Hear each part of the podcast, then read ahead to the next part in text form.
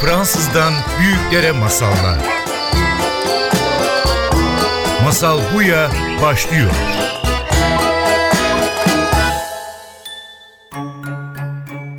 Masal Buya'ya hoş geldiniz. Benim adım Judith Liberman. Ve bugün Anadolu'da Kızıl Kaftan adıyla bilinen masalından etkilenerek sizin için uzun bir masal hazırladım. Maceraya çıkmaya hazırsanız yola çıkalım. Büyükleri Masal başlıyor. Küçük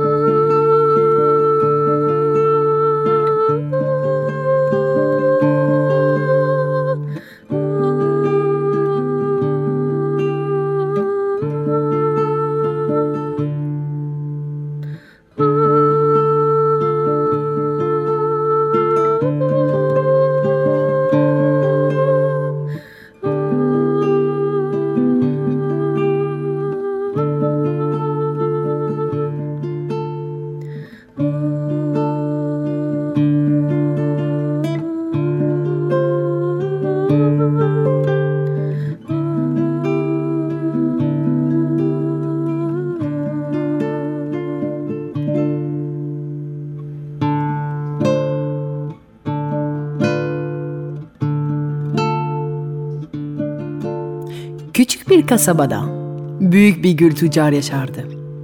Evinin etrafındaki gül bahçesi gözün gördüğünce uzanırdı. Ama onun gözleri sadece üç gül görüyordu. Gülben, Gülsen ve Gülsu. Onun üç kızı. Tek başına büyüttüğü bu üç kız birbirinden güzeldi. Ama bir o kadar da farklı. Gülben hep kendini düşünürdü. Gülsen hep başka insanlarla kendini kıyaslardı. Gülsu ise hep bahçedeki gülleri düşünüyordu. Sabahtan akşama kadar bahçıvanlarla bahçede uğraşırdı. Diplerindeki toprakları karıştırıp güllere su verirdi. Kızlar haftada bir babalarıyla çarşıya giderlerdi.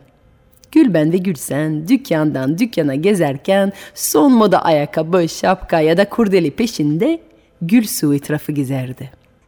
Ve bir gün Gülsu sokaklarda gezerken ona bakan çok değişik yaşlı bir kadın fark etti. Bembeyaz saçları beline kadar uzanıyor. Masmavi gözleri ona anne şefkatiyle bakıyordu. Ona doğru gidecekti ama bir anda kalabalığın içine kaybolup uçtu. Gülsu şaşırıp gezmeye devam etti ve tekrar kadın tam karşısına çıktı. Masmavi gözlerle ona doğru bakıyor. Sanki bir bakışla onun kalbini görebiliyordu.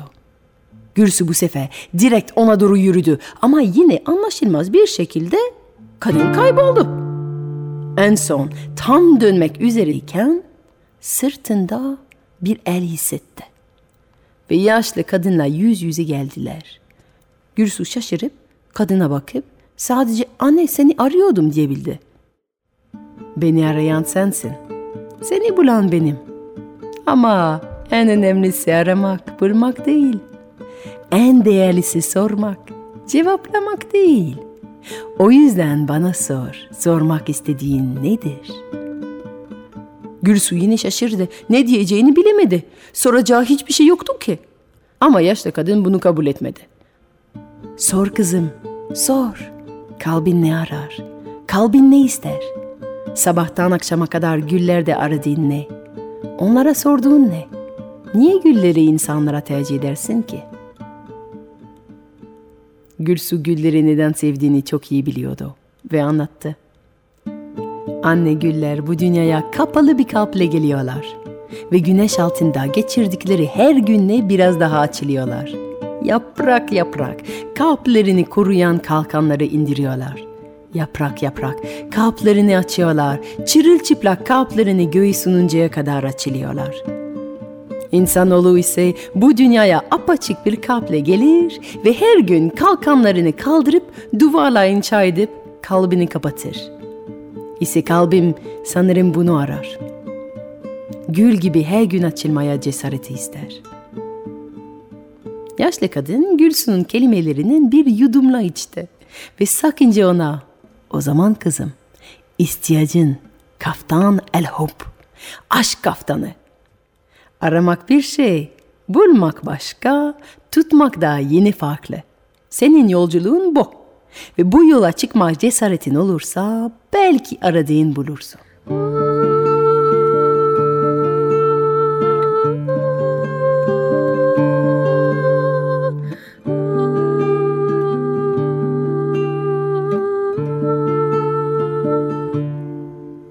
Gülsu eve döndükten sonra birkaç gün hep aklındaydı. Ama sonra araya hayat girdi. Başka işlerle meşgul olup yaşlı kadını ve onun bilmece gibi sözleri unuttu. Gel zaman git zaman ve babaları uzaklara gitmeyi hazırlandı. Her sene yaptığı gibi malları uzak doğudaki şehirleri götürmek, satmak ve yeni mallar edinmek için gitme vakti gelmişti. O nedenle kızlarını çağırdı ve bu uzun yolculuktan onlara neler getirmesini istediklerini sordu. Gülben hemen atladı. Babacım uzaktaki şehirlerde gümüşten dokunmuş kumaşlar varmış. Su gibi akan bir gümüşe benzermiş. Bana o kumaştan bir elbise getirirsen, ay baba baloya gidince bütün gözler benim üzerinde olur. Ay, dünyanın en mutlu kızı olurum. Gülben bunu der demez Gülsen atladı. Ben de babacığım ben de du- duyduğuma göre uzaktaki şehirlerde yuvarlak yüz yuvarlak bir pırlanta varmış. Üzerinde ışık düştü mü ha her tarafına ışık saçıyormuş. Onlardan yapılmış küpem olsa oy baba gerçekten etrafa ışık saçıyor olurum. O zaman baloya gidince bütün gözler benim üzerimde olur. Ve o zaman dünyanın en mutlu kızı olurum. Babası o zaman Gülsu'ya dönüp sordu. Ya sen kızım, sana ne getirmemi istersin? Babacığım, su gibi git, su gibi gel. Tek istediğim buydur. Ama kızım olmaz öyle. Kardeşlerin gibi sen de bir şeyler iste. Seni mutlu edecek hiç mi bir şey yok? Aradığın hiç mi bir şey yok? Bak söz veriyorum. Ne olursa olsun arar, bulur ve getiririm sana. Bunu duyan Gülsu birden yaşlı kadın ile karşılaştığı gün hatırladı ve onun söylediği sözleri. O yüzden istedi. Babacım, madem uzaklara gidiyorsun, burada bulamayacağım bir şeyleri karşılaşma ihtimalin çok yüksek. Bulursan acaba bana kaftan el hub yani aşk kaftanı getirir misin? Biri bana ondan bahsetti ve o günden beri ona ulaşmak benim tek isteğim. Babası, Kızım ne olduğunu ben de bilmiyorum ama söz veriyorum bu dünyada varsa dönünce senin olur deyip bir sonraki sabah ilk ışıkla yola çıktı. ve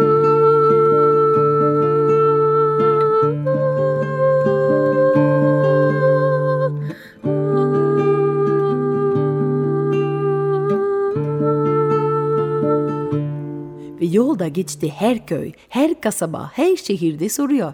Sıvı gümüş gibi parlayan ve akan kumaş, ışık saçan pırlanta ve kaftan el hop. Doğuya doğru ilerledikçe önce kumaşı buldu. Yolda en son uğradığı ve en büyük şehirde Gülsen'in istediği küpeleri buldu. Ama kaftan el hop, aşk kaftanı her yerde sormasına rağmen hiçbir yerde bulamadı.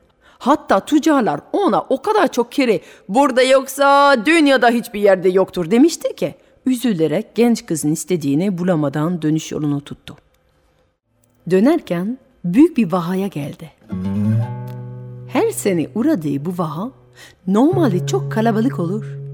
Palmi ağaçların altında dinleyen hayvanlar, çeşme kenarda hurma yiyip sohbet eden, zar oynayan yolcular, tatlı gölgelerde ud eşliğinde eşlerine aşk şarkıları söyleyenler ama o gün vaha bomboştu. Tüccar ağaçların arasında gezip yüzünü yıkadı, hayvanları bağladıktan sonra gezip birini aradı. Boş ve sessiz olunca vaha çok küçük ve üzgün görünüyordu. Sonunda suyun kenarında tüccar yaşlı aksakallı bir yolcu gördü. Onun yanına gidip neden kimse olmadığını soracaktı ama bir şey sormadan yaşlı amca ona bakıp sen ne ararsın? Ne unuttun? Neden vazgeçtin? diye sordu. Tüccar şaşırıp ona kızı için arayıp ve bulamadığı kaftan el hubu söyledi. Hmm diye cevap verdi yaşlı yolcu. Kaftan el hubu bulmak kolay değil. Dinle beni. Buradan tek bir atla git. On gün kuzeye doğru durmadan git. Ondan sonra bir ağaca gelirsin. O ağacın altında bütün gece otur. Gözlerin ve ağzın açık olsun. Ne olursa olsun. Kapatma. Sabah ilk ışıkla doğuya git. On gün sonra bir nehre girirsin. Bütün gece onun kenarında otur. Gözlerin, ağzın açık olsun. Ne olursa olsun kapatma. Sonra göreceğini görürsün. Yol zor. Kaybolan çok. Bulan az. Sana iyi şans dilerim. Sabah yola çık.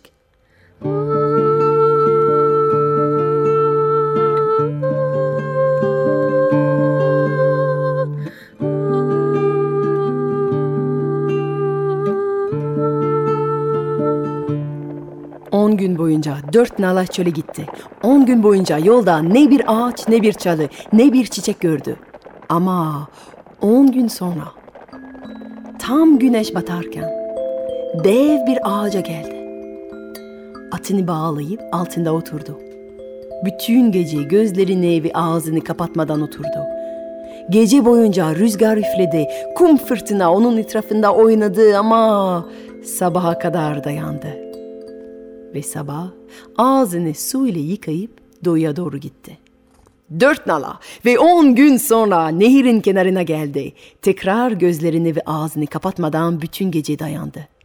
Ve sabaha karşı güneşin ilk ışıkları suyun üstünde yansıyınca nehir ikiye yarıldı ve ortasından altın kumla kaplı bir patika belirdi. Sagi ile ayakkabılarını çıkartıp patikayı takip etmeye başladı. Ve dev bir kristal sarayın önüne geldi. Kapı onun önünde açıldı ve kendini zengin giyimle yüksek sesle konuşan bir kalabalığın ortasında buldu.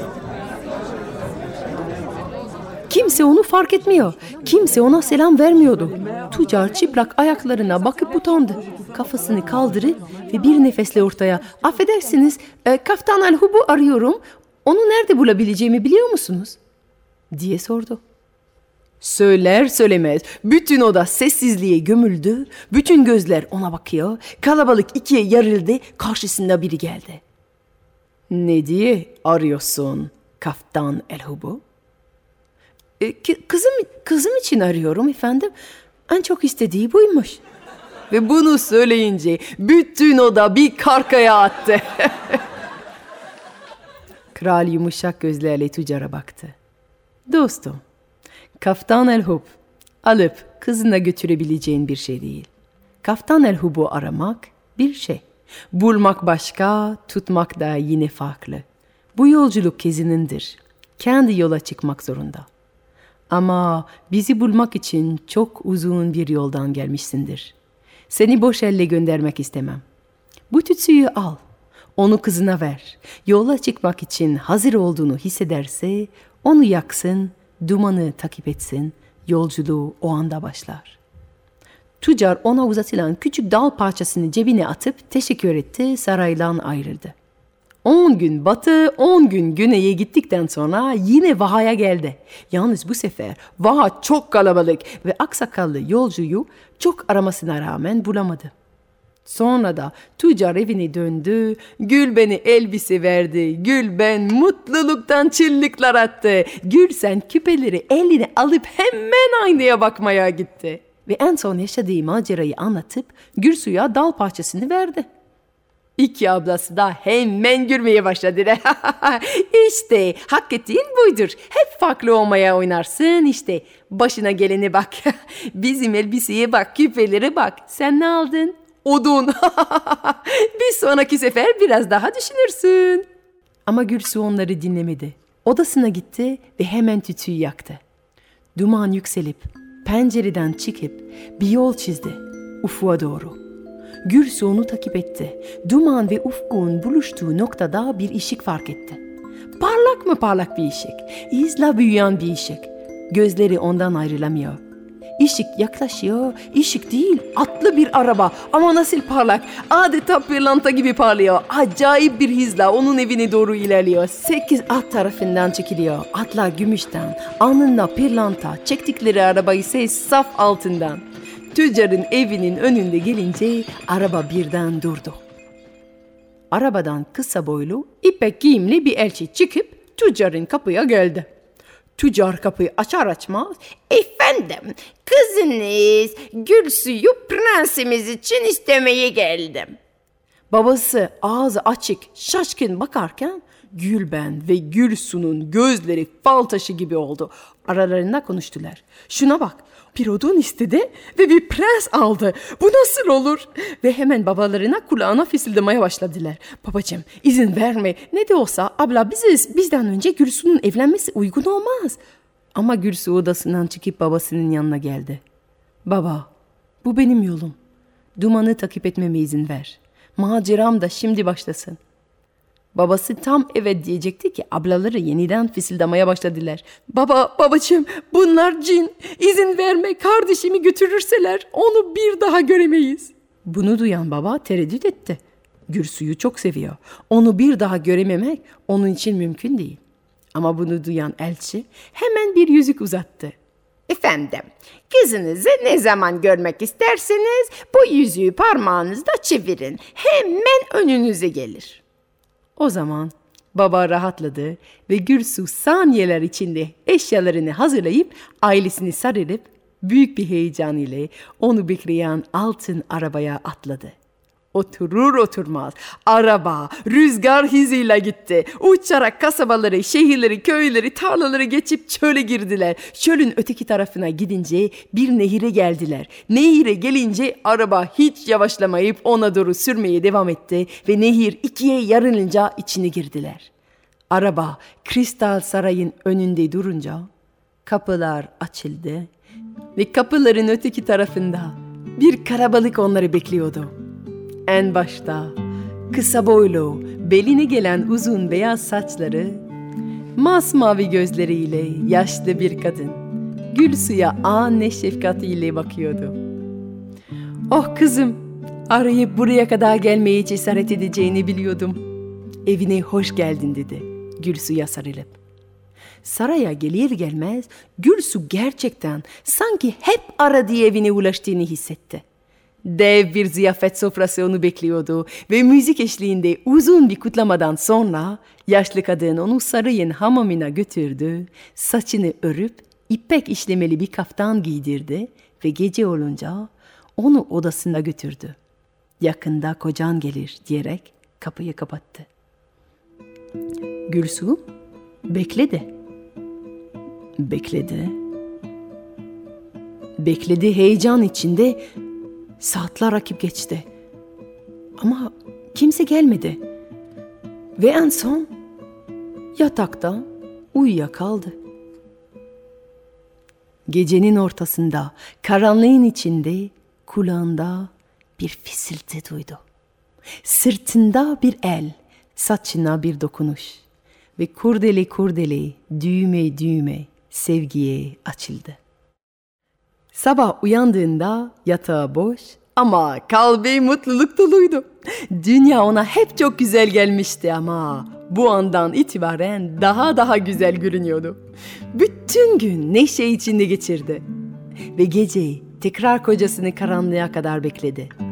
Ondan sonra gündüzleri bahçede müzikle, dostlarla, geceleri aşkla geçiriyordu. Ve son derece mutlu hissediyordu. Yalnız evde ablaları meraktan ve kıskançlıktan çatlıyorlardı. Babalarını ikna edip yüzüğü çevirip gür suyu çağırdılar. Ve gür suyu parlak bir yüzle, ipek kaftanla, kollarında altın bileziklerle geldi onların önünde. E Gülsu, hayat cinlerle nasıl gidiyor? Gülsu anlattı. Kristal saray, yemekler, müzikler, arkadaşları, sarayın bahçesi, ablaları kıskançlığını zor sakalayıp... E peki kocandan bahsetmiyorsun ama. Nasıl biri? Çok mu çirkin? Cinlerin çirkin olduğunu duyduk da. Kaç gözü var? Teni yeşil mi? Gülsü utandı ama. itiraf etti. Kocasını hiç görmediğini söyledi. Nasıl? Bu nasıl olur ki? Aman Allah'ım kardeşimiz saf mı acaba? Görmediğin biriyle yaşanılır mı? Ha, görmen lazım. Gece uyuduktan sonra işi açsana. Hiç merak etmiyor musun? Dönünce Gülsu'nun kafası biraz karışmıştı. Şu ana kadar hep hissettiği sevgiye güvenmişti. Ve ilk defa kocasının ondan bir şey sakladığını düşünmeye başladı. Yoksa ablalarının söylediği gibi hissettiği aşk, yaşadığı mutluluk sadece bir yalan mıydı? Kısa bir aradan sonra masalımız devam edecek. Masal Buya devam ediyor. Masal Buya'da Büyükleri Masal devam ediyor. Yoksa ablalarının söylediği gibi hissettiği aşk, yaşadığı mutluluk sadece bir yalan mıydı? Gece kocası gelince uyku numarası yaptı ve kocası uyuduktan sonra bir kandil yakıp kocasına döndü ve yatakta "Ah, aman Allah'ım ne görsün? Kocası onun tam hayal ettiği gibiymiş. Baldan tatlı, nur yüzlü bir melek. Işıkla ona yaklaşınca göğsünde bir kapı olduğunu fark etti. Tam kalbinin üstünde. Ve de kapıda küçük bir anahtar deliği. Boynunda küçük bir altın anahtar fark etti. Hemen açtı. Ve kapının arkasında bir merdiven vardı. Gülsu merdivenden indi ve nurdan bir kubbenin altında buldu kendisi. Her yer ışık ve de hiç hissetmediği kadar huzurlu hissetti orada. Kubbenin etrafında yedi kapı ve her kapının arkasında farklı bir renkten daha küçük parıldayan bir kubbe. Kırmızı, turuncu, sarı, yeşil, mavi, turkuaz, mor. Tek tek bu odaları gördükten sonra derin bir nefes alıp merdivenlerden tekrar çıktı. Işık söndürüp tekrar yattı kocasının yanında. O zaman duydu bir fısıltı. Görmek istediğin her şeyi gördün mü? ve de korktu. Ama kocası ona sarıldı ve sadece bak sorun değil. Aramızda artık hiç karanlık olmasın. Hep ışık olsun. Ama aşkımıza güveneceğini söz ver. Onu sorgulama. Kalbini güven. Şüphe edersen her şeyi kaybedersin. Bundan sonra hayat aynen devam etti ama tabii ablaları meraktan durmadılar ve tekrar kardeşlerini çağırdılar. E anlat nasılmış senin kocan? Çok mu çirkin yoksa? Ve Gülsu anlattı. Ha yapma demek öyle ha? Yarı melek yarı tanrı. Peki öyle olsun. Bak bizi dinlemeseydin onu da keşfetmezdin. Peki o zaman eniştemizin adı öğrenebilir miyiz? Ve Gülsu tekrar utanarak kocasının adını öğrenme fırsatını olmadığını itiraf etmek zorunda kaldı. Ay ay Gülsu cidden safsın ya. Ay öyle bir şey olur mu? Kesinlikle adını öğrenmen lazım. Ne saklıyor bu adam ya? Dönünce saraya Gülsu'nun kalbine yine şüphelerin tohumu girmişti. Ve akşam kocasını görür görmez hemen sordu. Kocası, bak Gülsu, tekrar başlıyorsun. Beni sorgulama, görüyorum kalbindeki korkuyu, aşkımıza güven. Tabii ki Gülsu'nun merakı bir kıvılcımda şimdi bir yangın oldu verdi. Soruyu tekrarladı bir kere, yüz kere, bin kere ve en son kocası üstündeki kırmızı ipek kaftanla Gülsu'ya baktı ve büyümeye başladı. Peki o zaman madem öğrenmek istiyorsun deyip kocaman oldu. Bütün odayı kapladı. Odanın duvarları kırmızı ipekten oldu. Kırmızı ipekten duvarlar büyüdü. Oda genişledi. Gülsu dev kırmızı ipekten bir çadırın altında buldu kendisi. Çadır büyümeye devam etti ve içinde sadece kocasının sesi yankıladığını duydu. Benim adım Kaftan Erhu. Duydu ve o zaman oda yok oldu. Saray yok oldu. Gülsu kendisini çölün ortasında buldu.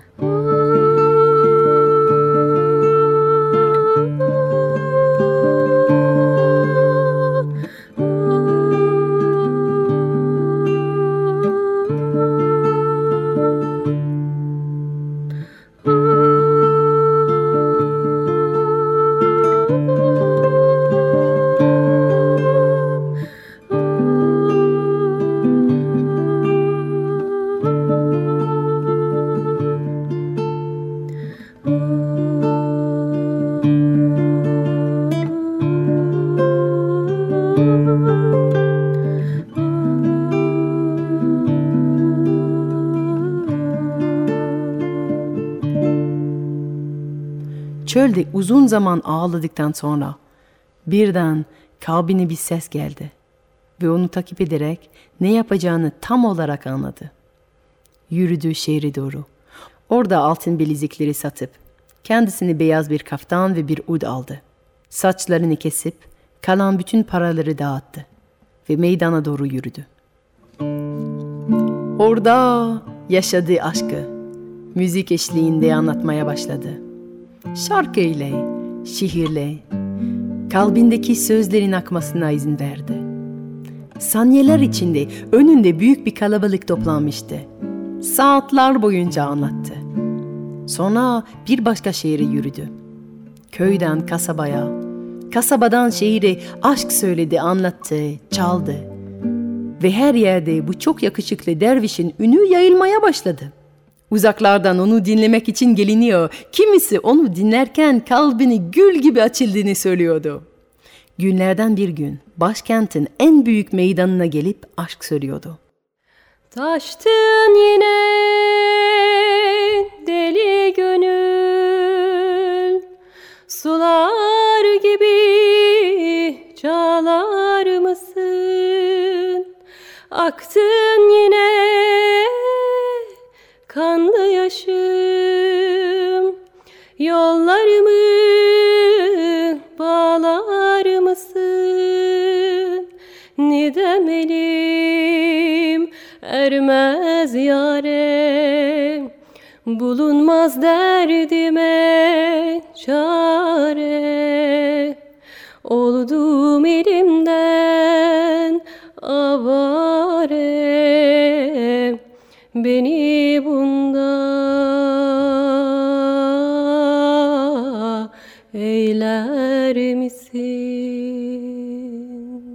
Ve onu dinlemeye gelen vezir sözlerine öyle hayran kaldı ki padişahın yanına gitmeyi unuttu. Padişah bunun sebebini sordu ve vezir ağzından bal damlayan kalpleri gül gibi açtıran genç dervişten bahsedince padişah tabii ki hemen dervişin huzuruna getirilmesini emretti ve Güldoğan isimli bir genç geldi önüne. Padişah onun bahçesinde şarkı söylemesini rica etti. Ama Güldoğan hiçbir yerde sabit kalmayacağını, aşkın peşinde hep yolda olmaya niyetlendiğini söyleyip padişahın davetini reddetti. Padişah şaşırdı. Pek hayır duymaya alışık olmadığından sordu. Peki ama ben güçlüyüm ve zenginim. Benden dile ne istediğini onu yaparım. Gözlerini kapatınca neyi görüyorsun? Genç derviş. Gözlerimi kapatınca nurdan bir kubbe görüyorum. Etrafında yedi kapı ve her bir kapının arkasında daha küçük farklı renkten bir kubbe bulunuyor diye cevap verdi. Peki o zaman ben onu senin için inşa ettirirsem en iyi mimarlar benim için çalışıyor. Ayrıca bütün dünyadan en değerli malzemeleri bulabilirim. Ben onu senin için yaparsam benim bahçemde kalır mısın? Genç derviş kafasını eğip evet eğer onu yaparsınız efendim ben de bahçenizde dilediğiniz kadar kalırım. Çünkü aradığım o. O zaman anlaştık ve aynı gün inşaat başlamış. Genç derviş padişahın bahçelerinde şiirleri söylemeye başlıyor. Herkes mest oluyor. İlham alıp kalplerine açıldığını hissediyor. Herkes ve de özellikle padişahın kızı. O genç, yakışıklı dervişin aşk şarkılarını su gibi içiyor. İçinden alıp kalbinde saklıyor. Ve her gün ona daha aşık oluyor. Ama babasının onun gezgin bir dervişle evlenmesine asla izin vermeyeceğini bildiği için hasta oluyor. Ülkenin en iyi doktorları çağrılıyor. Ama hiç kimse padişahın kızı iliştiremiyor. En son yaşlı bir doktor padişaha doğruyu söylemeyi cesaret ediyor. Efendim, kızınız ölüyor. Onun hastalığı biliyorum. Aşk bu. Çözümü de biliyorum. İstediği kişiyle evlenmesine izin verin. Padişah kızını kaybetmektense genç dervişle evlendirmeyi razı ve hemen Güldoğan adlı dervişe söylemeyi gidiyor. Ama Güldoğan maalesef kızınızla evlenemem çünkü benim sevgilim var ve kalbim ancak onu sevebilir. Cevabı duyunca padişah üzülüyor, kızıyor. Hazineleri paralar söz veriyor. En son eğer sen kızımla evlenmesem kızım ölür. Kızım senin yüzünden ölürse ben de seni öldürürüm. Genç derviş başını eğip haklısınız öyle olmalı. Sizden tek bir ricam olur. Ölmeden tek bir gece benim için inşa ettiğiniz nurdan kubbede uyumak isterim. Sonra kızınız için ruhum vermeye hazır olurum. Padişah bunu kabul etti. Ve sonunda bir gün kubbe hazır olunca Gül Doğan'a haber vermeye gidiyor. Bu gece kubbede uyursun. Yarın toprakta. Hazırlan. Gece elinde bir kandille derviş kıyafetiyle Gülsu kubbeye girdi. Önce yedi küçük kubbeyi gezdi. Mor, mavi, türkuaz, yeşil, turuncu, sarı, kırmızı. Görünmeden karanlıkta padişahın kızı onu takip ediyordu. O da merak ediyor. Sevdiği adam ne arar bu kubbede? En son ortadaki beyaz dev kubbeye giriyor Gülsu. Ve orada derin bir nefes alıp, derin bir huzur hissedip yukarıya baktı. Ve yukarıdan yavaş yavaş aşağı doğru ipekten kırmızı bir kaftan düştüğünü gördü. O zaman kubbenin ortasına kadar koştu. Üstündeki beyaz kaftanını çıkarttı ve arkasında onu takip eden padişahın kızı Gülsu'nun bedeni görünce anladı neden onunla evlenmek istemediğini. Üstüne Gülsu kırmızı ipek kaftanı giydi. O zaman kubbenin en yüksek noktasından aşağıya doğru bir merdiven indi. Ve Gülsu elinde kandil mum ile yükseldi tavana kadar. Tavana ulaşınca küçük bir kapı verdi tavanda. Onu eliyle itti ve Kristal Saray'ın kocaman yatak odasının ipek yatağında buldu kendisi. Yatakta kocası uzanıyordu ve dönüp Gülsu'ya sordu. Şimdi kalbini güvenmeye hazır mısın?